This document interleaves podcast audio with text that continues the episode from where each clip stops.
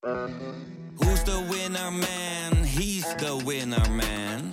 Is hij miljonair? Geen idee, maar nou en. Je hebt geen jackpot nodig to be a winner man. Oh oké, dat is wel lekker man. Van het enige varken in Afghanistan tot de spijbelpolitiek van Zweedse kinderen. De wereld, het boek dat wij samen met de Speld hebben gemaakt, is nu in de voorverkoop. Het is de meest betrouwbare landengids der landengidsen. Het beste boek dat je nooit mag gebruiken bij je eindexamen. Ga naar grotepodcastlas.nl slash boek, bestel hem en dan heb je hem eind juni in huis. Welkom bij de audioversie van de Atlas. Wij zijn drie geografen en in onze ogen is elk land de moeite waard. Zelfs de kleinste dwerglandjes en eilandstaatjes. En hoe kunnen we zo'n land beter bespreken dan met gekke feitjes, mooie verhalen en kleine quizjes? Dit is de kleine podcastlas.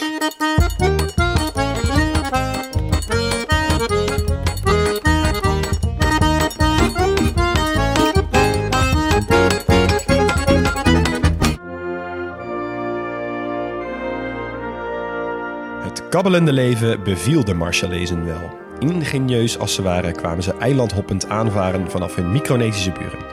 Hun atollen zijn smalle stroken land, symbolisch voor een gebalanceerd leven van vis, kokos en zeevaart. De grote open zee is hun blik op de oneindigheid. De lagune binnenin geeft een gevoel van veiligheid en herbergt tradities. Zo zou het eeuwen door kunnen gaan. Totdat er grootmachten kwamen eilandhoppen. Deze keer met hele andere intenties. Het donderde en bliksemde van diep onder water tot hoog in de atmosfeer. De eilanden werden zo te grazen genomen dat de term Marshallhulp beter voor hen bedacht had kunnen worden. En ja, het is er ook gewoon mooi. Maar onze oren suizen nog steeds. Ja, jongens, we zijn weer in de Stille Zuidzee. Zijn ja. weer. Vind ik altijd wel leuk, die, die eilandstaatjes daar. Ja, zit altijd wel een, een, een mooi verhaal aan vast. En dit was ook wel zo'n eiland waarvan ik weet... Het was een beetje als zo'n boek dat, dat op, je boeken, op je boekenplank staat... waarvan je weet dat het wel leuk gaat worden... maar waar je nooit de Moet- tijd voor genomen hebt moet om het het te ooit een keer gaan lezen? Ja. Ja. Ja, ik wist ook eigenlijk niet zoveel hiervan. Ehm, de- ook een, misschien een van de weinige landen ter wereld... waarvan ik dus vorige week tijdens mijn onderzoek de hoofdstad las. En dat ik dacht, huh? Ik, Ja. heb hier nog, ik heb hier nog nooit van gehoord. Nee, ik zou hem ook niet kunnen geven, eerlijk gezegd. Nee? Nee, echt niet. Wordt het paspoortje een quizje? Doe maar niet. Ja. Nee, nee, klopt. Ik had het vooral een beetje met de ligging. Want ik eh link dit ook een beetje aan de Solomon-eilanden... maar die liggen weer heel ergens anders. Nou ja. Dus eh, ja, dit ligt Ja, echt heb- een beetje bij Micronesië in de buurt daar. Ja, ik heb me sowieso nooit heel erg ingespannen om van deze landen te weten hoe ze ten opzichte van elkaar liggen. Nee. Nee, Hugo don't care. Ja, ik weet altijd ongeveer waar het ligt, maar daar houdt het, eh, daar houdt het bij mij altijd wel mee op. Wat er ook mee ophoudt, in ieder geval voor dit seizoen, zijn wij. Bijna. Ja, want het is de één na laatste aflevering van dit seizoen. Wij gaan altijd na de zomer even eh, met stop, zodat jullie de hele zomer eh, op vakantie lekker met ons door kunnen luisteren. Maar in eh, september en de eerste helft oktober piepen wij even, er even tussenuit. Gaan we er even bij slapen? Gaan we even bijslapen. Gaan we even, Dus, eh, even nadenken of we dit nieuwe seizoen nog eh, gekke, leuke ideeën of toevoegingen gaan doen aan de podcast. Spoiler, er komt een nieuw seizoen. Geen, geen angst. geen zorgen. We hebben nog landen, we hebben nog En landen. snel ook. Ja. Dus misschien ook wel leuk eh, aan jullie luisteraars. Eh, jullie voorzien ons altijd van zoveel tips en leuke reacties en eh, veel liefde. Dus eh, als jullie nog goed idee hebben voor seizoen 3, wat moeten we gaan doen? Moeten we dingen toevoegen? Moeten we dingen gaan schrappen? Moeten er we een van ons drie ontslaan? Ja, Ja. Moet er nog iemand bij? Ja, ja, een bioloog bijvoorbeeld. ja, Ja. Schei- scheikundige. je mag het zeggen. En Ja. wie weet doen we er iets mee. Ja, Ja. stuur gewoon eh, alles wat je wil. Je kan ons eh, bereiken, mail, eh, DM op Twitter of Insta. Dat kan Ja. allemaal gewoon. Dat weten jullie inmiddels ook Ja, wel. ik wou net zeggen, we reageren altijd heel, heel braaf, toch? Zo is het ook. Nou, vandaag en volgende week zijn we er nog. Yes. Gelukkig. Goed zo. Dan nu de Marshall-eilanden. Het is een eilandengroep in Micronesië, die regio. Eh, het is ook de noordwestelijkste groep van de drie. Hè, dus je hebt Polynesië en Melanesië en Micronesië is dus de noordwestelijkste. Ehm, de Marshall-eilanden zelf zijn de oosterburen van het land Micronesië. En ten zuiden daarvan ligt het magische land Nauru. Heel klein eilandje. Eh, nu denk je van, oké, nou weet ik eigenlijk nog steeds niks. Eh, eigenlijk je eikpunt in deze regio is altijd waar ligt het ten opzichte van Papua Nieuw-Guinea, toch? Ja, ja, een beetje Australië, Nieuw-Zeeland. Australië, ja. ja. Het is ongeveer 3000 kilometer ten noordoosten van Papua Nieuw-Guinea. Oké. dus als dat je nog niks zegt, dan heb je niks meer aan mij. Dan moet je gewoon even Google Maps openen. Ja. De oppervlakte is ongeveer, het is ongeveer net zo groot als Aruba. Eh, verspreid over 30 atollen en 1100 eilanden. Ja, als je het Ja, dan samen precies. propt. Dus alles samengepropt heb je Aruba. Dat is niet zoveel, hè? Nee. Nee, dat valt wel mee. En er wonen ook niet zo heel veel mensen, 41.000. En die hoofdstad, ja, Leon. hey, wat is de hoofdstad? Dit- Dat is wel mooi, hè? Heb je onderzoek gedaan en dan ben je niet eens bij de hoofdstad Nee, joh, gekomen. geen idee. Majuro, Oh, ja, ik, Ja. ik- stom. Ik wist het wel. Ja, niet het Wieges. nee. Maar eh, ja, nee, het is eigenlijk gewoon de naam van een atol. Dus eh, en dat, Ja, dat is ook ja. gewoon ja, CQ hoofdstad. En van een stadion, maar daar kom ik later op terug. Hey. Nou, waar wonen dan die mensen? Eigenlijk is het heel simpel. Het zijn gewoon allemaal atollen en de mensen wonen gewoon op die rand. En je hebt gewoon één weg vaak. En aan weerszijden wonen mensen. Ja. Ja. Ze eh, betalen daar met de Amerikaanse dollar. Ze zijn christelijk. De helft is ongeveer protestant daarvan. Eh, daarna heb je de Pinkstergemeente, de katholieken en de mormonen. Die vind je er allemaal. Eh, ze spreken de Engels en Marshallese. En dat is dan ook een Micronesische taal. En de achternamen die het meeste voorkomen zijn John, De Brum, Lang, Samuel, Joel en Joseph. Ah, ik had zo gehoopt dat Marshall hier tussen zat. Nee, ja, balen man. Ja, inderdaad. Dat zou iedereen's tweede naam moeten worden. Ja. En de vlag, het is een diep blauwe vlag. Met linksboven heb je een ster met 24 punten. Dat kun je een beetje zien als de provincies. Eh, de vier grootste punten eh, van, die, van die ster, die zijn wat groter. En dat zijn ook de grootste vier provincies. Diagonaal heb je een steeds breder wordende oranje-witte band. En die symboliseert de evenaar, waar ze toch ook niet ver vanaf liggen. Ik vind het altijd leuk bij dit soort vlag. Zeg maar, die, ja, deze vlag vind ik op zich best oké, leuk, aardig, ziet er gezellig uit. Ze Ja. hebben in ieder geval geen Union Jack of, eh, of eh, iets anders. Spreekt voor ze. Spreekt voor ze. Maar normaal kan je die vlag in onze thumbnail op je, op je bijvoorbeeld op je Spotify of op je, eh, op je Apple kan je hem altijd wel zien. Maar bij die eilandstaatjes natuurlijk never nooit niet. Je ziet gewoon een paar kleurige puntjes. Oh, bij ons logo bij van ons de logo aflevering. van de aflevering Ja. zie je gewoon een paar kleurige puntjes op dat blauw. Dus je hebt helemaal geen idee hoe die vlag eruit ziet. Ik vind dit er een beetje uitzien als een voorkant van een voetbalshirt of zo. Ja, daar lijkt het inderdaad wel een beetje Ja. op. Zo zou je dat ook Ja, kunnen zien. Niet zo bijster mooi. Het heeft, Ja, ik wil zeggen, wat vind je van deze vlag? Nou, niet zo heel mooi. Het heeft ook wel iets van, eh, van die van Aruba en Curaçao. Ja. Ook Ja, met zo'n net zo ster groot en zo'n baan. Maar die vind ik toch mooier. Balen.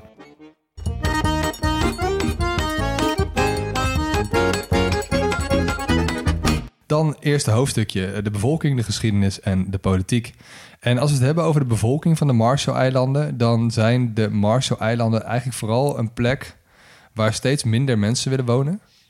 Eh, een jaar of 15, 20 geleden hadden ze nog 54.000 mensen, nu nog maar dus iets van 42.000. Dus ze zijn gewoon een kwart kwijt nu. ja, dat gaat denk ik alleen maar meer eh, afnemen. Ja, maar dat is wel echt, eh, de, daarin lopen ze wel redelijk voorop in die regio. En het gaat hier vooral om economische omstandigheden. Dus bijna de helft van de gezinnen maakt zich dagelijks zorgen over hoeveel voedsel ze hebben. En een derde van de mensen zegt dat ze wel eens een hele dag doorgekomen zijn zonder te eten. Zo. Dus ja, goed, eh, dat is een reden voor eh, grootschalige emigratie. Eh, ze zijn vooral naar de VS gegaan. Daar hebben ze een hele aparte band mee, kom ik zo op terug. Ehm, je kunt daar de Marshallese vinden op Hawaii, maar vooral in Springdale, Arkansas. Ja. Die heb ik ook gevonden. Oh, Ja. ze zijn daar massaal gaan werken voor Tyson Foods, eh, op een na grootste vleesverwerker ter wereld. Eh, en dat stadje is ongeveer zo groot als Lelystad, maar daar hebben ze wel gewoon een consulaat van de Marshall-eilanden. Ja. Dit is een mooie link. ja. Eh, we hebben het hier dus over een land dat bestaat uit heel veel atollen, waaronder Kwajalein. Dat is geen meisjesnaam. maar het is wel een van de grootste atollen ter wereld. Ehm, en ook wel een van de meest bevolkingsdichte gebieden, omdat eh, de Amerikanen er in de Tweede Wereldoorlog superveel mensen hebben gedumpt. Maar dat is voor later. Ja, ja ik, ik eh, las dat op één eilandje van dat Kwajalein, eh Ebeje, daar wonen eh 15.000 mensen. En dat is twee kilometer lang en 200 meter breed. Ja, daarom. Dus er wonen echt vet veel mensen op een heel klein stukje aarde. Ja, een van de dichtstbevolkte plekken ter wereld. Ja, bizar, dat, hè? dat wordt ook de ghetto van de Pacific genoemd. Mooi term. Ja. Maar het is wel redelijk kunstmatig geweest. Want die Amerikanen Ja. hebben net na de Tweede Wereldoorlog... hebben ze dus die mensen daarheen verhuisd. Ja, nee, Kom ik zo meteen op. Maar we moeten eerst wat verder de geschiedenis in. En die bevolking, eh, dat volk is echt al super oud en wijs. En het mooie is wel, dit, dit zijn echt geografen avant la lettre. Want ze willen natuurlijk veel zeevaren hè, in die Ja. regio. Eh, en van oudsher maken mensen dus ook al gebruik van stokjeskaarten. En dat zijn eigenlijk eh, heel veel aan elkaar gebonden stokjes... die niet afstand meten, maar tijd om stukken af te leggen. Dus Ja. tussen die stukjes. Beetje als een soort, eh, hoe heet zo'n ding, zo'n sextant bijvoorbeeld. Dat je dan kan zien wat de afstand is tussen dingen door de lengte op je, op je, op je gereedschapje, als het ware. Ja, dat zou kunnen. Ja, ja, ja misschien. Weet ik niet. Maar eh, in ieder geval, het is, eh, het is inclusief zeestromen en windrichtingen. Dus dat vind ik dan wel echt mooi. Weet je, dat als je zo'n heel groot eh, model hebt, eigenlijk met allemaal aan elkaar gebonden stokjes, dan zijn dus de afstanden, dat zijn dus geen echte afstanden, maar tijden om er te komen. Ja. Inclusief dus de berekening van zeestromen en windrink- windrichtingen. Oké, vet. En dan heb je het echt over duizenden jaren oude, oude volkeren. Nou, het mooie is ook, ze bonden er dus ook schelpjes op om eilanden mee uit te beelden. Dus het is eigenlijk een soort kaart. Helder. Nou, toen kwamen de kolonisten. Eh, en wie waren de eerste, denken jullie? De Het is een beetje een vreemde eend in de bijt. Britten? Nee. Koek? Nee. Eh, de Spanjaarden misschien? niet? Ja, het is Alonso de Salazar uit Spanje in 1526. Dus ze gingen wel bij Spanje eh, horen, maar toen dat eenmaal zo ver was, toen was de lol er meteen eigenlijk wel af. En het was eh, niet alsof die Spanjaarden daar echt massaal gingen wonen of er mensen heen gingen deporteren of zo. Eh, het enige is wel naar, die mensen gingen dus vooral weer dood door ziektes die de Spanjaarden meebrachten. Ja, ja. Maar het was niet een, eh, ja, het was niet een plek waar de Spaanse kolonialen heel vaak kwamen. Ze lieten ze gewoon prima links liggen. Tussendoor werden die eilanden nog wel even vernoemd naar een Britse kapitein die er ook kwam kijken. John Charles Marshall. Hey. Dus daar heb je hem ook. Oh ja? En toen, halverwege de 19e eeuw, kwamen de... Duitsers? Duitsers. Ja. ik heb het gelezen. Ja. Ja, die kwamen daar een kokoshandeltje beginnen en die voegden het meteen toe aan het Duitse Rijk.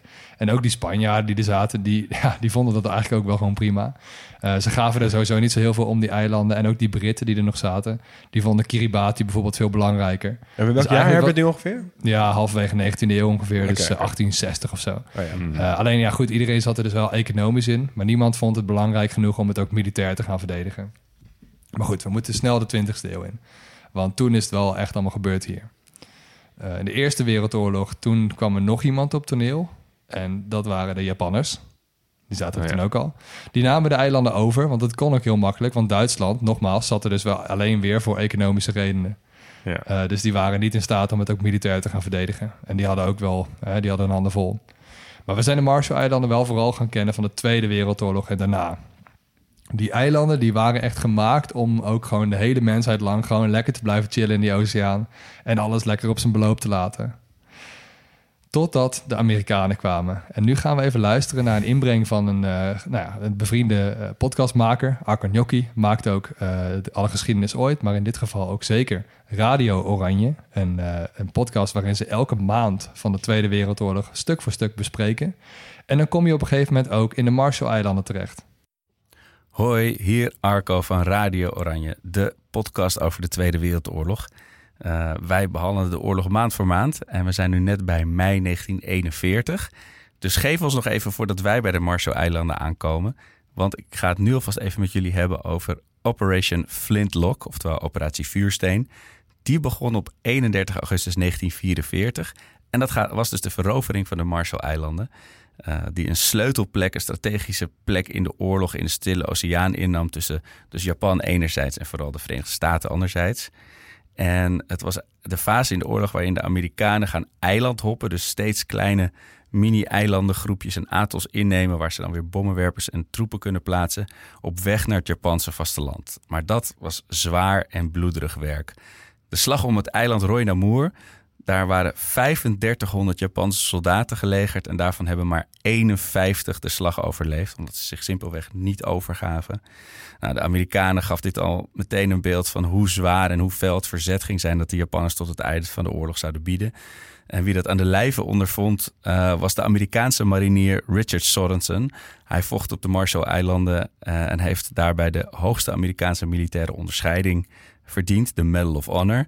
Hoe heeft hij dat gedaan? Eh, een Japans soldaat heeft een handgranaat gegooid in een schuttersputje of in een loopgraaf waar hij met vijf andere mariniers aan het schuilen was.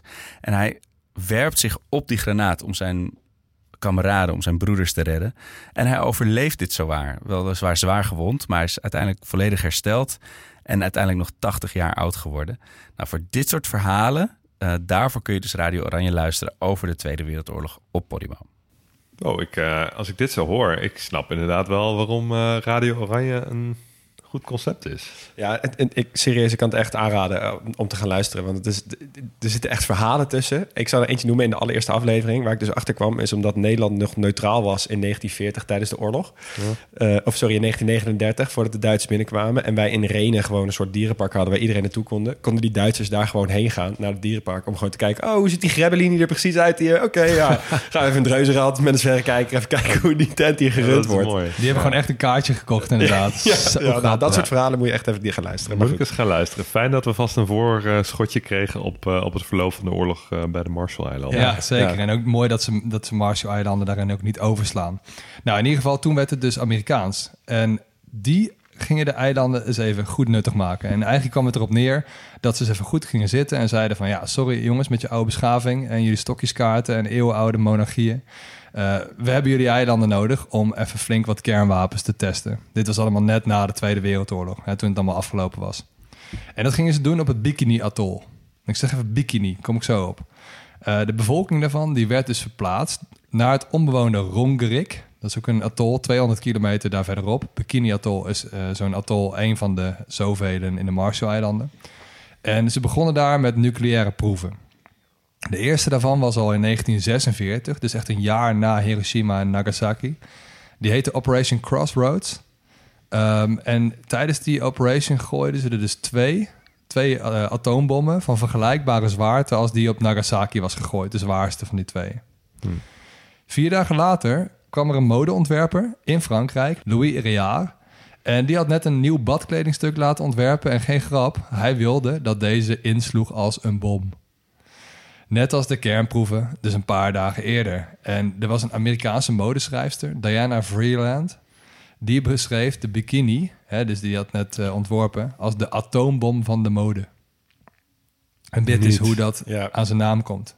Niet waar. Ja, Ja, ja. denk daar maar eens aan als je net bij het zwembad ligt deze zomer. Wist je dat niet, Huur? Nee. Dit is echt, ik ben dit verhaal ook tegen. Ik dacht, als een van jullie hem niet pakt, dan pak ik hem wel bij kunst mee. Maar dit verhaal is ook echt insane. Ja, het is echt waanzin. Maar goed. Ja, Wow. Daarom heet de bikini nog steeds gewoon nu de bikini. ja. Ja. Dus, en dan met de klemtoon dus op de, de tweede. Hè, dus eh, Ja, bikini. Bikini, ja. terwijl dat, eh, die eilandengroep die heet Bikini. Nou goed, anyways. Eh, de tweede kernproeven, eh, die heette de Operation Castle. Acht jaar later, in 1954. En de eerste bom daarvan, de Bravo, was ook meteen de grootste die daar getest is. Eh, geraamd werd dat die ongeveer 4 tot 8 megaton zou zijn. En ze hadden zich een beetje misrekend, want in werkelijkheid was hij 15 megaton. Dat betekent twee tot vier keer zo zwaar als dat ze van plan waren. En als je nu denkt van hoe moet ik dit een beetje inschalen met die van Nagasaki, dus die grootste uit de Tweede Wereldoorlog. Hij was ongeveer duizend keer zo zwaar. Ja, Wow, en die, die, er zijn daar eh, videobeelden van, van Ja. die eh, detonatie. Maar je hebt ook die, die vet bekende zwart-wit foto. Dat is volgens mij die eerste. Maar die Castle Bravo, daar heb je zo'n video van in kleur. Nou jongen, je weet niet wat je ziet. Nee, Dat is echt, echt, pff, echt waanzin. ja, echt, Ja. echt bizar. Maar ze stonden dit dus ook een beetje te filmen op een afstandje waarvan we nu zouden zeggen... Doe maar niet. Doe maar Ja, niet. Nee, Nee. maar er werd door ook... zo'n lasbril heen te kijken. Precies, Gelukkig ja. denken we dat ook over die proef in zijn algemeen. Dus Mm, dat is ook alweer mooi. Maar goed, hou zoiets maar eens geheim. En dat was dus wel eigenlijk het plan, om het geheim te houden. Maar het radioactieve afval kwam zelfs neer op Australië, India, Europa en het westen van de VS. En Ja. binnen een seconde, nog even wat superlatieven... binnen een seconde eh, na de ontploffing vormde zich een vuurbal... van 6 kilometer doorsnede... zichtbaar vanaf 400 kilometer afstand. Holy shit. Binnen een minuut had je ook een paddenstoelenwolk van anderhalve kilometer hoog. Nou, verplaats je ook even in het, in het hoofd van die geëvacueerde bevolking, weet je, die 200 kilometer verderop zat. Ja, Ja. En toen zei de wereld wel van, ja jongens, waar de fuck zijn jullie mee bezig? ja. En internationale onderhandelingen zijn toen wel gestart. Maar die, het heeft dus wel echt best wel een tijd geduurd voordat het minder werd. Wat je daarover moet weten in die tijd... Al die jaren ging de VS wel door met testen. En in totaal hebben ze dus in die Bikini Atoll... hebben ze 24 bommen laten afgaan. In een tijd tot 1958 ongeveer. Dat was een beetje de, de tijdspanne. Omgerekend hebben ze in totaal 4000 Nagasaki-bommen laten afgaan daar. En die Castle Bravo was ook meteen wel de zwaarste bom... die de VS ooit heeft laten afgaan. Maar niet de zwaarste bom die ze ooit hebben laten maken. De heftigste tijd van het bommen maken was ook wat tussen 1960 en 1962. En toen hebben ze dus ook de opvolger, de B-41, gemaakt. Die was dus nog een stuk zwaarder. En daar hebben ze, hou je vast, er 500 van gemaakt. Wow. En die hebben ze dus nooit getest, Ze maar hebben die nooit is zwaarder getest. dan de zwaarste. Hebben ze die nou inmiddels... Ja, denk ik hoop dat ze dat inmiddels wel redelijk hebben... eh, Ommanteld. Ja, Ja, die bommen zijn wel toen gewoon met pensioen gegaan. Ik weet niet of ze toen ook gewoon afgebroken zijn. Dat weet ik eigenlijk niet. ja. Eigenlijk eng, hè? Dat dit soort dingen gewoon er zijn. Ja, Ja, ja, die nucleaire proliferatie, dat heet toch proliferatie, is een mooi woord, van dat ze dat aan het afbouwen zijn. Dat was volgens mij inderdaad na de Cuba-crisis richting 62, 64. ja. Dat ze toen met z'n allen hebben gezegd, Was het niet non-proliferatie? ja, non-proliferatie. Misschien moeten we hier even mee stoppen, jongens. Ja. Laten we afspreken dat we allemaal de wereld nog maar één keer kunnen vernietigen in plaats van Precies. zeven ja, keer. precies. Nou ja, nogmaals, eh, 1960, 62, dat was dus de heftigste tijd.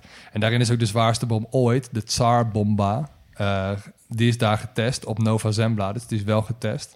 Door de Russen natuurlijk. 50 megaton. Dus één bom, 2800 keer zo zwaar als die bom op als Nagasaki. ja, niet normaal.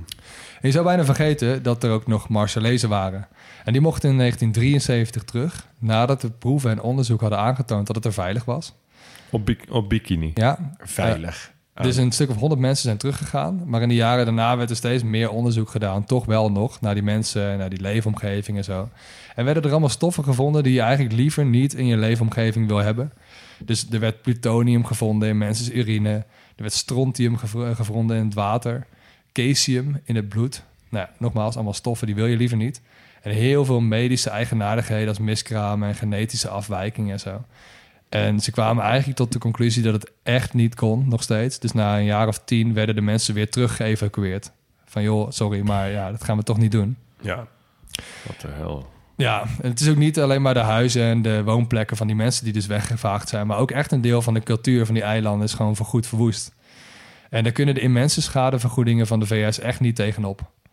Ehm, een rapport van de VN uit eh, 2012 zegt ook dat de milieuschade zo goed als onomkeerbaar is. Ja. Dus die eilanden zullen dit gewoon voor altijd met zich meedragen. ja. Ja. ja, echt insane wat daar is gebeurd. Ja.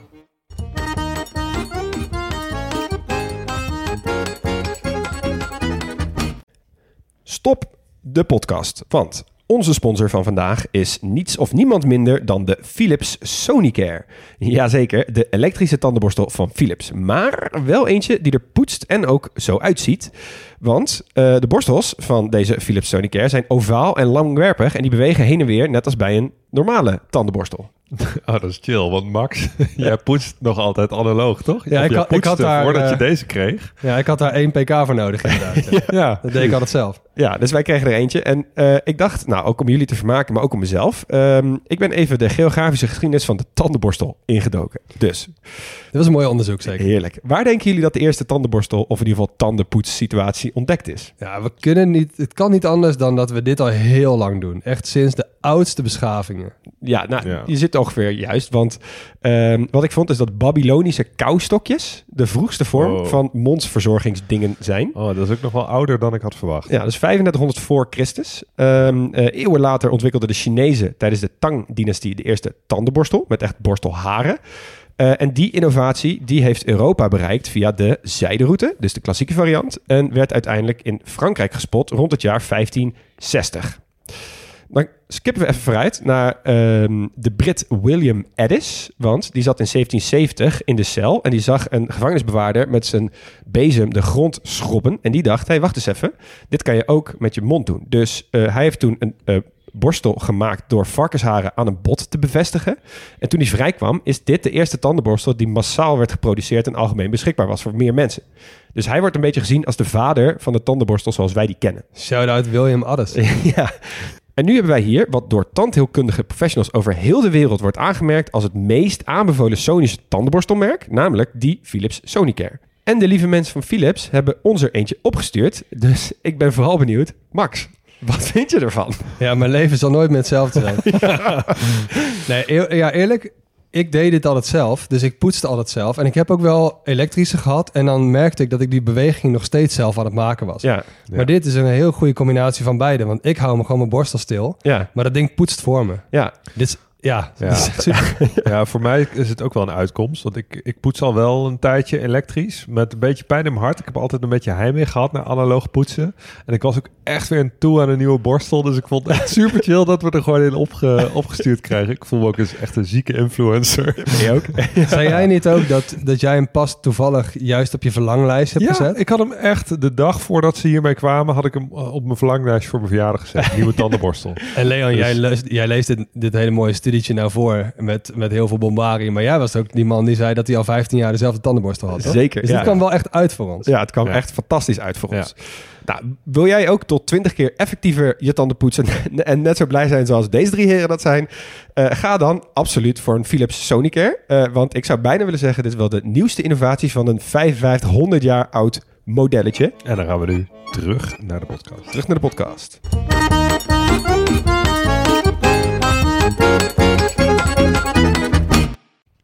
Stop de podcast. Je vakantiegeld komt eraan, dus het is tijd om jouw reis te boeken. En onze sponsor van vandaag heeft een dikke kortingscode. En die sponsor van vandaag is Sawadi, niemand minder. Dit is een reisorganisatie en vakanties zijn natuurlijk duur, dus dit aanbod is extra interessant deze tijd. Ik vind dat altijd een mooie organisatie, Sawadi. Ja, ik ook wel. En Ja. ze bieden verschillende soorten eh, groepsreizen aan.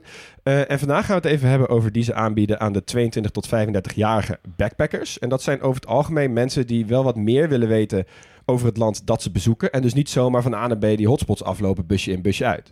Ja, en het zijn ook mensen die het vaak leuk vinden in een groep eh, te reizen. En eh, die groepen die blijken ook heel snel vriendengroep te worden. Zowel tijdens de reis als daarna. Eh, mensen komen vaak nog heel, veel, heel vaak met elkaar terug, spreken af om te meeten en zo. En je kunt dus ook echt naar heel veel plekken op de wereld. Populair zijn op dit moment plekken als Zuid-Afrika, Marokko, Jordanië, Colombia, Nepal.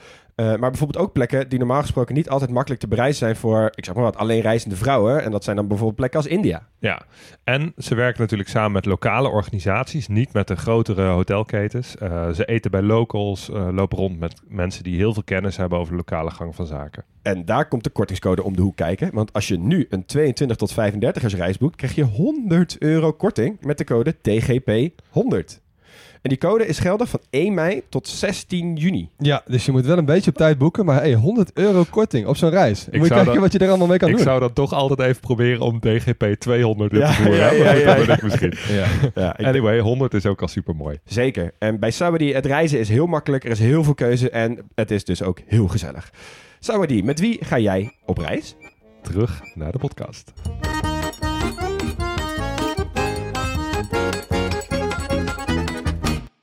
Vorige week hadden we met Guinea een land dat eh, weinig toeristen trok. Maar vergeleken met de Marshall-eilanden is Guinea echt nog een enorme trekpleister. Want naar de Marshall-eilanden komen gemiddeld maar ongeveer 6000 buitenlandse toeristen per jaar. 6000? Ja, daarmee zitten ze echt in de buurt van Tuvalu, Somalië en Jemen. Dat is echt de, de top drie minst bezochte. ook echt dat verspreid over, die, over vet veel atollen en zo. Ja, ja, ja, klopt. Dus helemaal niks. Dus ik heb goed gezocht naar redenen om wel naar de Marshall-eilanden te komen. En eerlijk gezegd viel dat niet mee. Ehm, wat denken jullie dat de topbestemming op TripAdvisor is? Allebei één keer raden. Is, is- is het die dome waar ze die... eh, ze hebben toch die... Waar ze die, al die nucleaire proeven hebben gedaan. Dus dat Ja? is een gigantische stenen hebben ding ze, hebben ze een mooie betonnen koepel over? Ja. Maar is het niet? Ehm, poeh, eh, nou, Duiken naar wrakstukken waarschijnlijk. Ja, gewoon een of andere sick Tweede Wereldoorlog. zo. Het is een brug. Wat een anticlimax is dit. Ja, en nee, het is, het is ook geen Golden Gate-achtige eh, brug, een mooie hangbrug. Het is gewoon een betonnen brug van misschien 10 meter lang. Wat? Die twee delen van het atol Majuro, dus het hoofdstad atol, verbindt. Ik heb heel veel vraagtekens. Ja, het is ook meteen het hoogste punt van het atol. Ja, wat kun je er dan doen? Ja, een beetje van afspringen in het water, een beetje vissen, dat is het wel zo'n beetje. Dit is serieus waar. Nee joh. Nou, verder in de topbestemmingen op TripAdvisor een eh, tweetal kraters die dus zijn nagelaten door die atoomproeven. Geen reviews. Dus of je kan er helemaal niet heen, of het kan wel, maar je komt er zo radioactief van terug dat je geen review meer kan achterlaten. Eén van twee, nee, maar zonder dolle. Eh, je kunt Bikini Atoll, waar veel van die proeven zijn gedaan, wel bezoeken. Je mag daar alleen niet slapen, dus je moet een dag op en neer. Moet je dan, kan je daar gewoon in je, je, gewoon je kloffie kan je daarheen? Of moet je dan ook speciale outfits aan Dat doen? weet ik eigenlijk niet. Het wordt wel ook echt streng bewaakt door eh, militairen van de Verenigde Staten. Dus eh, hè, om, om, om daarop toe te zien. Zo, dan heb je trouwens echt een, echt, echt een kutbaan. Hè. Ja, ik ben benieuwd Sta hoe je dat daar de hele gaat. dag. Ja, Gewoon ja, dat niks mag te doen. natuurlijk ook Ja, niet. het is gewoon Een lode tropisch, hè, dus dan sta je daar met je pak inderdaad. Ja, Ja. Misschien dat ze dat eh, ook wel met drones doen tegenwoordig. oh, dat zou logisch zijn. Ja. Ehm, maar goed, sommige mensen die doen dat ook. Je kan daar dus inderdaad, Leon, heel goed, duiken naar scheepswrakken. Die zijn gebruikt bij de atoomproeven. Want bij die atoomproeven, dan legden ze vaak eh, allerlei afgedankte schepen in de buurt. Ze hadden na de Tweede Wereldoorlog, had de Verenigde Staten natuurlijk een marine over waar ze helemaal niks meer aan hadden. Nee. Die leggen ze er allemaal neer om te kijken wat daarmee gebeurt. Nou, zo'n explosie. Nou, die zijn natuurlijk allemaal gezonken en die kan je opduiken. Ik kan me voorstellen dat het voor een hele kleine niche in de toeristensector wel echt het summum is. Ja. Duiken naar nucleaire wrakken. ja. Ehm, voor wetenschappers lijkt het me trouwens ook wel bijzonder om daar te zien wat radioactiviteit doet met de vegetatie op die eilanden en met bijvoorbeeld het koraal. Ja. 300 kilometer ten westen van het Bikini Atoll heb je trouwens ehm, die eh, betonnen koepel. Dat is eh, op Ruined Island. Daar hebben ze ook een proef gedaan. En eh, daar is een krater ontstaan. En in die krater hebben ze een heleboel radioactief afval gedumpt. En een grote betonnen koepel overheen oké, gebouwd. ja. Ja. Kan je ook naartoe? Mij ook niet bellen. Nee. Qua fysische geografie is het vooral onder water en onder de grond... wat de Marshall-eilanden interessant maakt. Eh, eerst even onder de grond. Het gebied was vulkanisch actief. Eh, zo zijn de atollen ook ontstaan. Leon, jij hebt denk ik eh, eh, bij Micronesië uitgelegd hoe dat, eh, hoe dat is ontstaan.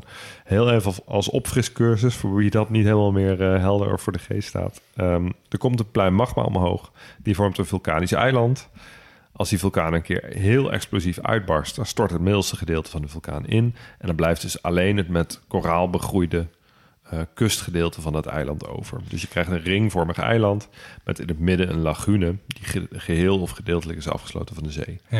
Nou, en, die, en die smalle ring, dat is wat jij in het paspoortje zei, Max. Daar loopt dan met geluk één weg overheen waar je aan weerszijden wat huizen hebt. Ja. Ja. Ja, dat is het dan ook.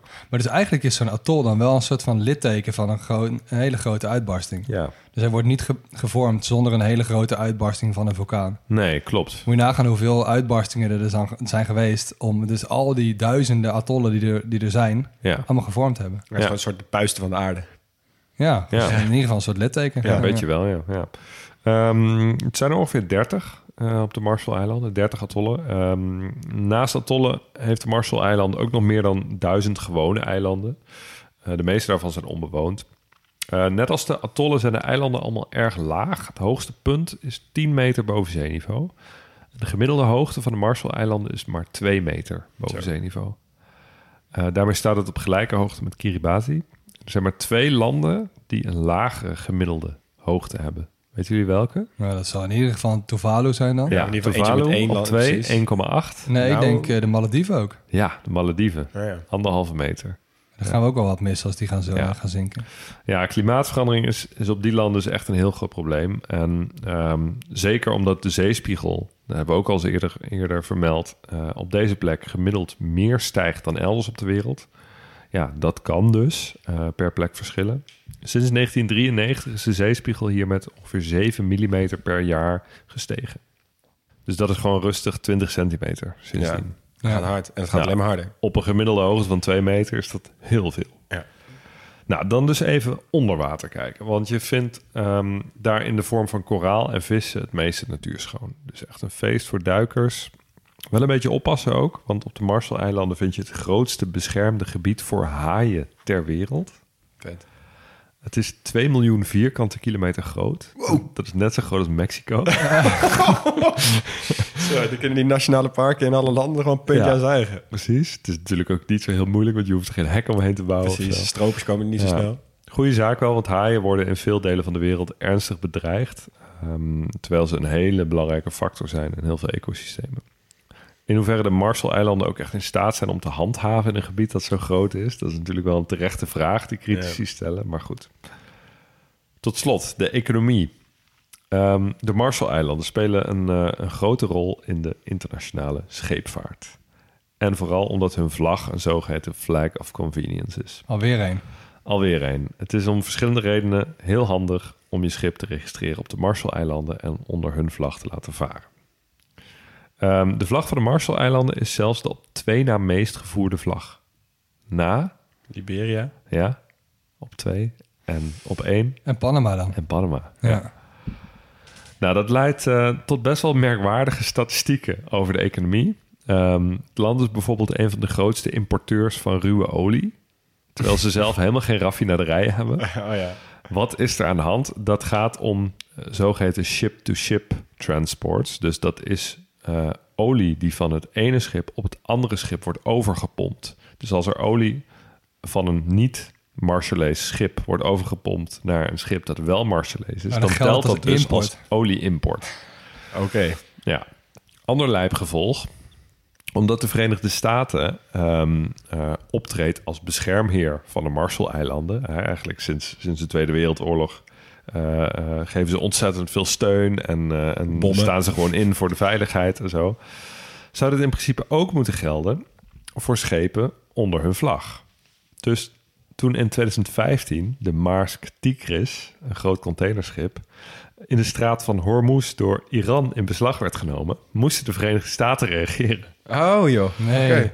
Het liep allemaal met een sisser af, maar eh, vanaf dat moment heeft de Verenigde Staten wel gezegd van oké, dit regeltje geldt niet meer voor de schepen die onder de vlag van de Marshall-eilanden varen en er verder niet zoveel mee te maken hebben. Oh, ik, heb, dat is ik, natuurlijk iets wat, wat potentieel heel explosief kan worden. Ja, ja. ik heb destijds ook nog zo gelachen om die aflevering Grenada... dat zij ineens communistisch werden en dat je echt zei van... Shit man, dat, weet je, dat, je, die, dat je in de Oval Office zit van... Fuck, wat zijn ze in Grenada nou? Hier hebben we echt geen zin in. En dat je dit dus nu ook... Dit is precies zo'n voorbeeld. Ja, dat die. Verenigde Staten Ja. echt denken van... Fuck man, ik weet Ja, ja. ja, dan de economie op de Marshall-eilanden zelf. Die is eh, vooral voor 60% maar liefst afhankelijk van geld uit de Verenigde Staten. Dus echt heel veel. Ehm, en verder vis, vooral tonijn. Het is een grote tonijnexporteur. En nog een leuk feitje om mee af te sluiten. Eh, je betaalt hier met de dollar dus. Maar eh, je kunt op de Marshall-eilanden ook betalen met de sovereign. En de sovereign, dat is de nationale cryptocurrency. Oh, oké. In 2018 werden ze namelijk het eerste land ter wereld met een cryptomunt als officieel betaalmiddel. Aha. Ja. Kijk aan.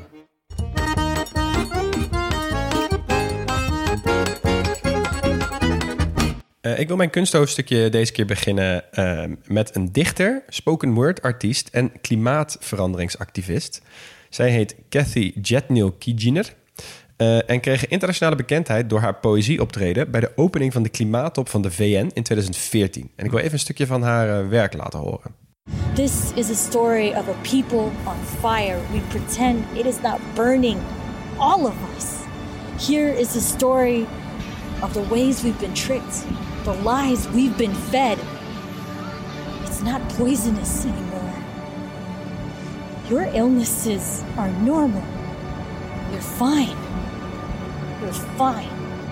Ja, dit soort landen zijn ook altijd wel hofleverancier van dit soort eh, activisten. Ja, ja, zij is echt Logisch ook wel. Ja, ik vind, ik vind haar echt heel goed. En dit stukje is echt een hele indrukwekkende video. En er zit een hele mooie eh, een soort videoclip die erbij is gemaakt over dus inderdaad die gevolgen van die nucleaire testen, maar ook dus ook de gevolgen van klimaatverandering. En dit is echt heel indrukwekkend. Ik zet hem op de website. Je moet hem echt even kijken. Goeie. En in 2017 publiceerde ze haar eerste dichtbundel, Iep Yaltok, Poems from a Marshallese Daughter. En dat is het eerste boek dat ooit is gepubliceerd door een schrijver van de Marshall-eilanden. Dus die heeft in 2017 hun eerste boek gepubliceerd. Wow. Ja. Ja, serieus, Dat- ja? Dan heb je ook wel een goede eh, tik achter je naam. hè? Eh, en het is ook niet zomaar een, st- een stukje vlot, want het krijgt superveel goede reviews. En je kunt hem ook gewoon zelf in huis halen. Je kan hem gewoon in de goede Nederlandse boekhandels kan je hem gewoon kopen. Eh, ik eh, ga hem denk ik gewoon in het boekenpakket stoppen van de winnaar van de pubquiz van de volgende. Want ik Oh, vind het echt wel een, echt wel een goeie. Eh, dan films. Marshall-eilanden worden niet zo snel gebruikt om films op te nemen, maar ze worden wel gebruikt als, ehm, als inspiratiebron voor films. Want in maart 1954 werd een monster in een diepe onderwatergroep uit zijn slaap gewaakt door een extreme explosie. Ja, ja. Die explosie verwoestte zijn leefgebied volledig en doodde alle andere leden van zijn soort die bij hem woonden. Eh, en woedend zwom dit monster naar de oppervlakte en begon vissersboten aan te vallen. En zie hier het begin van de filmseries van Godzilla. Er is dus een hele nieuwe tak van de filmindustrie opgekomen. En die hebben dus die Marshall-eilanden proeven eh, bedacht als soort nieuwe doorstart voor, de, voor het monster. Wat dus daar al leefde, maar nu eh, als een diersoort dood zijn gemaakt. Wauw, oké. Ja, ik vond het wel mooi. Een andere, een andere film die eh, hier onder andere afspeelt is de film Midway uit 2019. Eh, ja, vrij recht toe recht aan eh, oorlogsfilm eh, over dus de slag eh, die daar afspeelde. Wat voor mij, het is geen blinde vlek, want ik kijk gewoon graag oorlogsdingen. Het is ook niet een heel bijzonder goede film, maar ehm, ik vond het wel, echt- het, geeft, het is best correct, zeg maar, eh, feitelijk en eh, geschiedkundig. En ik vond het wel inter- interessant om te zien op wat voor andere manieren je oorlog moet voeren als je echt letterlijk alleen maar tussen de atollen en de eilandjes zit. Ja. Met je vliegdekschepen en je, en je tegenstanders en Ik zo. heb hem toevallig vorige week ook gezien. Echt? Ja, ik wist helemaal niet dat het hier af, zich afspeelde. Ja, onder andere. Ja, bij Marshall is die grote ommekeer, zeg maar, dat die Amerikanen dan weer eh, richting Japan gaan. Ja, Ja, precies. En Midway is het dan ook genoemd naar het Midway Atoll. Ja, In bezit van Amerika. ja. En waar ook gewoon heel veel militaire nou ja, belang zit eigenlijk. Want Zeker. precies tussen Hawaii en Japan ook. Precies, ja, Ja. daar zitten natuurlijk heel veel van dat soort eilandjes die in de Tweede Wereldoorlog heel belangrijk eh, zijn geweest. Ehm, wat dus ook wel heel cru is, want het hele kunsthoofdstuk is doorvlochten met die hele die atoomproeven. Want vroeger waren dus die Rongalepese vrouwen, die zongen dus heel erg om met de situatie om te gaan. En die zongen altijd hun pijn weg. En dat was een traditie en de cultuur van die eilanden. En eh, trommels en van alles en nog wat. Maar als gevolg van die stralingsvergiftiging ontwikkelden de meeste vrouwen schildklierkanker. En de daaropvolgende operatie veranderde vaak hun stem, waardoor ze dus niet meer of terughoudend waren in het openbaar spreken of zingen. En daardoor is dus die, ehm, die manier van communiceren en liederen zingen... is heel, heel veel jaren lang gewoon heel erg onderdrukt geweest. Joh. Dat is inmiddels is dat alweer terug, maar ik kon geen goede video vinden waarop dat was. Eh, dus ik dacht, in plaats van nou wat, wat video's opzoeken waarbij een beetje soort krakend geluid was, dacht ik, nou, ik ga eens even via Last.fm wat up-and-coming artiesten opzoeken. Dus ik ga jullie twee liedjes voorschotelen van artiesten die echt niemand kent. Eh, en ik begin met het eh Aji Alni eh, met het nummer Silly Old Lies. I keep telling myself all these silly old lies need to compromise with all the lower high tides. Need to swallow my ego. Een soort Marshallese Craig David of zo. Nou, prima. Ja, ja, Bijna niet slecht. Nee, nee, inderdaad. Maar die hebben nu wel een eh, aardige boost in hun luistercijfers. Ik zou je dat vertellen. Dit nummer is eh, dit jaar 3 juni eh, uitgebracht. Heeft, eh, hij heeft 53 luisteraars per maand op Spotify.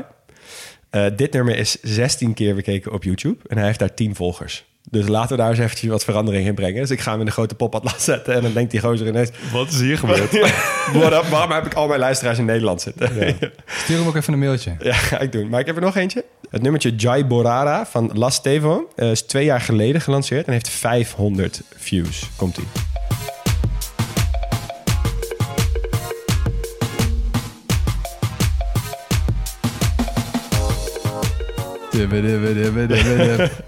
ja, nou kom maar. Ja, die gaan we er lekker in zetten. Dus die gaan we even boost geven.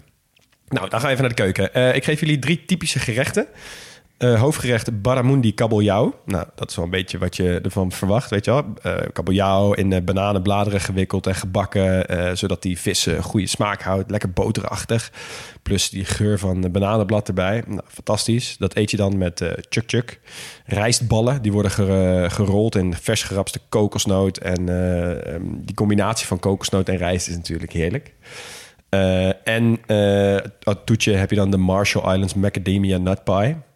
Oh, dat klinkt serieus wel goed. Fa- Macadamia notentaart uiteraard. Fantastisch. Kan je lekker vullen met glucosestroop, suiker, vanille-extract... en dan een heerlijke topping van kokosslagroom erop.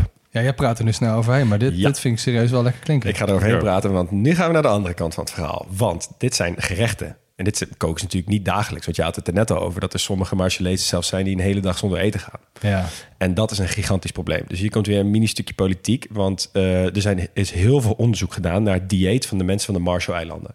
Omdat zij dus eh, heel veel ingeblikt voedsel laten komen... en eigenlijk zichzelf een verschrikkelijk dieet hebben aangemeten. Dus in een van die onderzoeken las ik het volgende. Kinderen eten ramen noedels met Kool-Aid eh, poeder erop gestrooid. Kool-Aid is zo'n Amerikaanse sirooppoeder, zeg maar, voor ontbijt. Volwassenen eten cake, donuts of pannenkoeken... bereid met een kopje suiker en gesmoord in siroop. Eh, en gezinnen eten elke dag witte rijst en vlees, zoveel mogelijk. En dan wat voor vlees? ingeblikte stukken spam, corned beef, kip, vis, krab, octopus, kalkoenstaarten, kalkoenhalzen, harten, rundertong. Alles wat er gewoon toegankelijk is, dat eten ze daar. Ze drinken frisdrank met fruit gearomatiseerde, met suikerbeladen dranken. Gewoon echt allemaal van die prefab shit. Eh, en alle koffie wordt met creamer in poedervorm en suiker gedronken. En dit is dus echt een dieet dat ontworpen is om op een zo efficiënt mogelijke manier diabetes type 2 te krijgen. En daar hebben ze behoorlijk last van. Ehm, een van de hoogste ter wereld op de Marshall-eilanden. Naar schatting heeft 28% van de personen ouder dan 15 jaar diabetes type 2. Bij de 35-plussers meer dan 50%. Zo. En de helft van alle operaties op het eiland worden uitgevoerd. Dat zijn amputaties als gevolg van complicaties door diabetes. Maar dat is ook lullig, hè? Jeetje. Je hebt jarenlang, duizenden jaren lang, heb je een, een cultuur gehad die gewoon perfect in balans was. Ja, Met kokos en met vis en eigenlijk gewoon ja, met de meest basic dingen die je nodig hebt als samenleving. En dan ineens word je een tijd in gecatapulteerd, bedreigd door hele grote machten waar je liefst niks mee te maken wilde hebben. exact. En dan zit je ineens in een tijd waarin je niet meer je oude manieren van leven kunt vasthouden, omdat zeeën, weet ik veel, minder vis hebben. Of omdat oogsten mis- mislukken. Ja, omdat iemand bommen op je fucking eiland gooit. En omdat En je ineens van alle kanten wordt ehm, eh, bedreigd door de internationale economie en geglobaliseerde wereld. En voor je het weet zit je allemaal spam met uh, Kool-Aid poeder te drinken. Precies. Ja. Ja, En ja. het is ook volgens de Global Nutrition Report hebben 60,4% van de volwassen vrouwen en 52,2% van de volwassen mannen obesitas.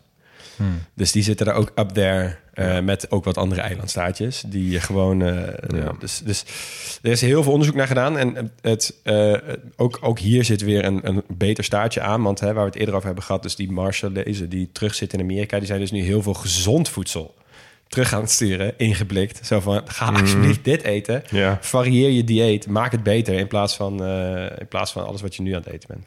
Maar hoe kan dit nou, hè? Vraag je je af. Ja. Ik bedoel, dit, eh, dit kan je toch reguleren, zou je zeggen? Ja, maar Dit- die- ik, bedoel, ik snap dat het lastig is om vers fruit...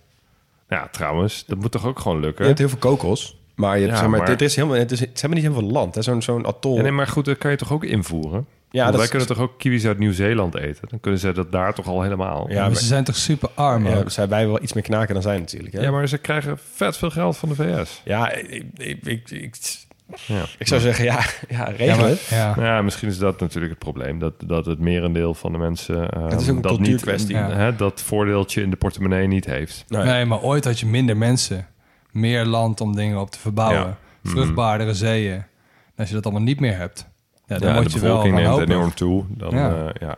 En, Ja. Dan, en dan wordt dit goedkoop op de markt gezet. Ja, Ja, en, en het is, ik, ik, zeg maar, in die eilandstaten heb, ik ook wel eens een keer op een onderzoek gelezen dat, die, eh, dat er nog een cultuur heerste in het verleden van, oh kijk hoe vet het is dat wij nu ingeblikt voedsel kunnen eten. Weet je wel, Ja. dat was echt een, een, een, een rijkdom ding. Zo van, oh kijk hoe, ik heb gewoon ingeblikt ja. vlees gekregen van de Amerikanen. Ja. En dat was een Maar ik vind statussymbool. eigenlijk dat, dat de Amerikanen, kijk, eh, die geven heel veel geld om ze te compenseren voor wat, wat, eh, wat hen is aangedaan in het verleden. Maar eigenlijk zouden ze ze moeten compenseren met beter Het is niet alsof de Amerikanen nou het allerbeste voorbeeld zijn van gezond eten. Dus ik weet niet of dat nou het beste... Maar goed, ik eh, ga door waar, waar je wel gezond van wordt, namelijk sporten.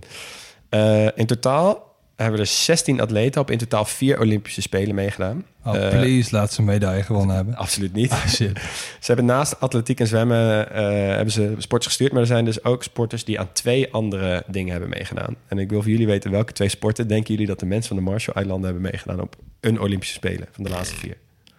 Oh, dat durf ik echt geen uitspraak op te doen. Nee, Dat kan echt zo random zijn. Mag het een soort van ja-nee quizje worden? Voor mij wel. Ehm, is het met water? Nee. Moet je er groot en stevig voor zijn? Mm, ja. Is het eh, gewichtheffen of zo? Gewicht hebben is goed. Ja, dat is één. Ja, die andere... andere geef ik je, die andere taekwondo. Oh ja. Ik dacht echt, Ah, ja, oké, prima. Ehm, maar ik ga wel op ze letten voortaan bij de binnenkomst, eh, bij de openingsceremonie. Want ze hebben echt hele vette outfits. Van die superlokale dingen. En je ziet die vlag natuurlijk ook wel aankomen. Dus eh, volgend jaar in Parijs ga ik daar maar eens goed naar kijken. Ja. Ehm, ze zouden dit jaar eh, de al reeds door corona uitgestelde Micronesian Games organiseren. Ehm, maar ze moesten toch iedereen begin dit jaar even vertellen dat dat niet ging lukken. Want het stadion is nog niet af. Oh, Het stadion. het stadion. Ja. Het Majuro Stadion. Het Majuro Stadion. Ja. En dat is, ziet er mooi uit. Ze hebben wel een heel mooi promofilmpje Ja? van hoe Hm. dat eruit komt te zien. Het ligt echt vlak naast het water. En ze hebben het op een hele dat, dat kan ook niet anders. Om Nee, dat te horen. nee, ja, fair enough. Maar echt zeg maar dat je... De, het, is, het heet het track, Majuro Track and Field Stadium. En dat is, daar zit zo'n sintelbaan omheen. En die sintelbaan, nou, ik denk dat dat vijf meter is tot aan het water, zeg maar. Dus ze zijn ook helemaal bezig met zo'n ding opbouwen... waardoor dat niet bij elke golf meteen al helemaal onder water staat. Ja. Ehm, maar ze zijn er wel mee bezig. En het is wel echt prachtig. En ehm, de drone shots die ze erbij hebben gepubliceerd... zijn ook wel de moeite waard. Ze doen het altijd wel goed op die eh, Micronesian Games... die ze dus dit volgend jaar hopelijk voor ze wel gaan eh, organiseren. Maar ze doen het minder op de Pacific Mini Games... Eh, en ze bungelen onderaan de medaillespiegel op de Pacific Games. En ja, om maar over de Olympische Spelen maar te zwijgen. Ze doen dus wel al die dingen mee. Maar eh, ze spelen heel veel Amerikaanse sporten vanwege die link met Amerika. Eh, maar ze gaan ook voetballen. Ze zijn zelf benoemd eh, het nieuwste nationale voetbalelftal ter wereld. Oh, Ze hebben er namelijk nog geen. Oh, maar wat vet. Ze gaan gewoon denken van... Oké, wij moeten ook gewoon meedoen. Ja, dus eh, ik ga jullie het verhaal vertellen van Lloyd Owers. Dat is een 33-jarige coach uit Oxfordshire. Eh, en hij is aangesteld om als eerste coach ooit een nationaal voetbalelftal gewoon in elkaar te gaan zetten. Dus in 2020 werd de Nationale Voetbalfederatie opgericht, mind you, 2020. Eh, en ze hebben dus nog geen team. Tenminste, ik kon niks vinden. Ik heb hem nog geprobeerd te berichten, maar ik denk dat hij druk is. Ze hebben geen spullen. Eh, ze zijn nergens lid van. Eh, dus wat hij heeft gedaan... Hij heeft geen dus- stadion. Geen stadion. Dus hij heeft gewoon een soort, eh, een soort roep gedaan naar al- vooral lui in Amerika. Zo van, jongens, heb je iets met de Marshall-eilanden? En heb je iets met voetbal? Kom hierheen en Ja. je komt in het nationale voetbalelftal spelen. En hij is heel positief. Hij zegt, nou, ehm, eh, in 2003, voor het einde van 2023 hebben wij een nationale competitie. Ik vraag me af hoe dan, maar prima. Eh, en in 2024 zullen ze een internationale wedstrijd spelen. Zo. Maar, punt is, ze hebben dus nog geen spullen. Ze hebben nog geen kleding, geen ballen, geen niks. Dus zij zijn een GoFundMe-campagne gestart. en ik stel voor, laten we die steunen. Gewoon even kijken of we iets kunnen doneren als je iets kunt missen. Dat we de mensen uit de, uit de Marshall Islands kunnen sponsoren met iets van voetbalspulletjes. Wat, echt- wat, wat is het doel? Ja, hij staat al, hij staat al een aantal maanden online. Ehm, en ze, ze willen 10.000 pond.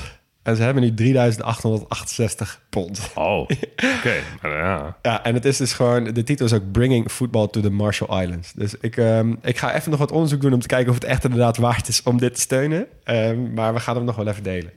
Laten we hopen dat ze daar binnenkort kunnen genieten van voetbal.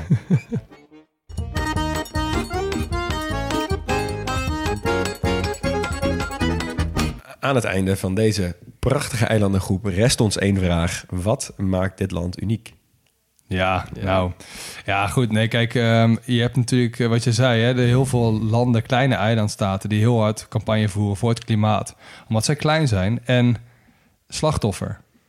Maar nu hebben ze twee redenen om dat te doen. Ja, En dat is ook waar die spoken word artiest van jou zo goed van pas kwam. Dat je twee redenen hebt waarin je gewoon door de hele wereld best wel fucked bent. ja zeker. Ja, en dat heb ik, ik heb het wel met ze te doen hoor, met die eilanden. Ja. ja, maar vooral met die bewoners van de Bikini Atoll.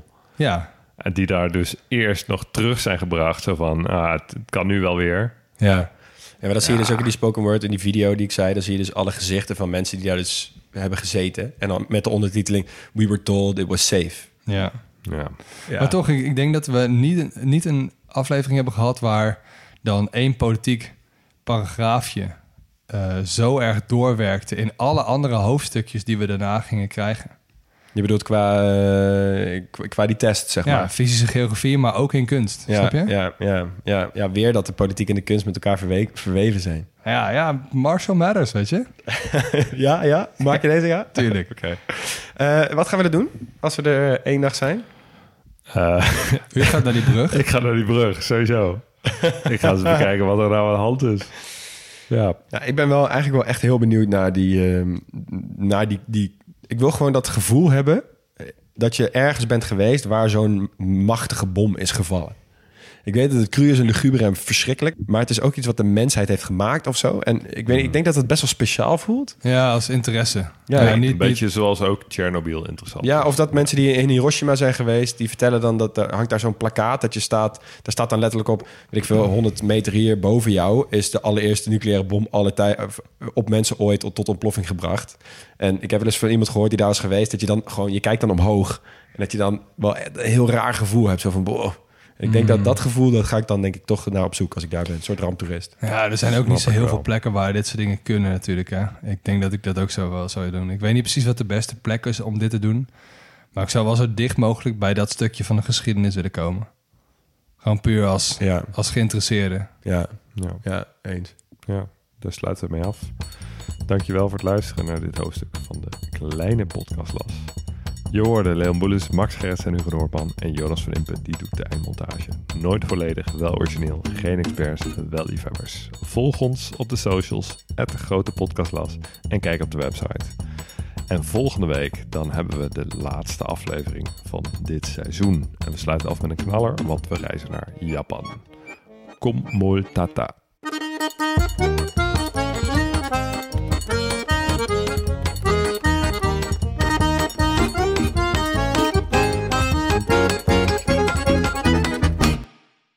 Luisteraar, luister je nog steeds? Klasse man, je hebt er gewoon helemaal afgeluisterd. Nou, nu je tot hier bent gekomen, koop dan ook gelijk even ons boek hè. grotepodcastlas.nl slash boek. Doei!